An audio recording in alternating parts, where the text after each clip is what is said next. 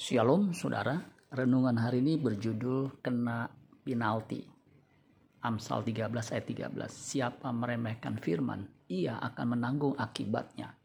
Tetapi siapa taat kepada perintah akan menerima balasan. Terjemahan net mengatakan begini, New English Translation. The one who despises instruction will pay the penalty. But whoever esteems instruction will be rewarded Orang yang memandang rendah petunjuk, instruksi, akan membayar hukuman. Tetapi siapa yang menghargai petunjuk atau instruksi akan diberi upah. Pengkhotbah menegaskan siapa yang meremehkan firman atau instruksi Tuhan akan kena penalti. Sedangkan pemazmur menganggap firman Tuhan itu sebagai hukum yang harus ditaati. Mazmur 18 ayat 23. Sebab segala hukumnya ku perhatikan dan ketetapannya tidaklah kujauhkan daripadaku.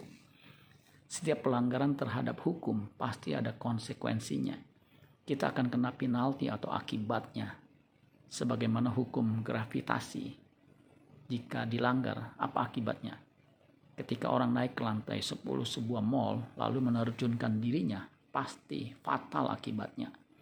Demikian juga orang yang meremehkan firman akan menanggung akibatnya Orang yang meremehkan firman akan binasa.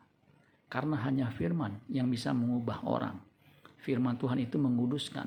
Yohanes 15 ayat 3. Kamu memang sudah bersih karena firman yang telah kukatakan kepadamu. Yohanes 17 ayat 17. Kuduskanlah mereka dalam kebenaran. Firmanmu adalah kebenaran. Injil alias kabar baik itu kekuatan Allah yang menyelamatkan. Roma 1 ayat 16. Sebab aku mempunyai keyakinan yang kokoh dalam Injil. Karena Injil adalah kekuatan Allah yang menyelamatkan setiap orang yang percaya. Pertama-tama orang Yahudi, tetapi juga orang Yunani. Firman itulah yang melahir barukan orang Kristen. 1 Petrus 1 ayat 22 sampai 23. Karena kamu telah menyucikan dirimu oleh ketaatan kepada kebenaran, sehingga kamu dapat mengamalkan kasih persaudaraan yang tulus ikhlas.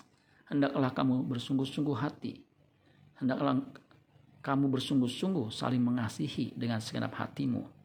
Karena kamu telah dilahirkan kembali bukan dari benih yang fana, tetapi dari benih yang tidak fana oleh firman yang hidup dan yang kekal. Biar kita menjadi orang yang punya hati tanah yang subur, yang senantiasa menyambut firman. Markus 4 ayat 20. Dan akhirnya, yang ditaburkan di tanah yang baik ialah orang yang mendengar dan menyambut firman itu lalu berbuah ada yang 30 kali lipat, ada yang 60 kali lipat, dan ada yang 100 kali lipat. Amin buat firman Tuhan. Tuhan Yesus memberkati. Sola Gracia.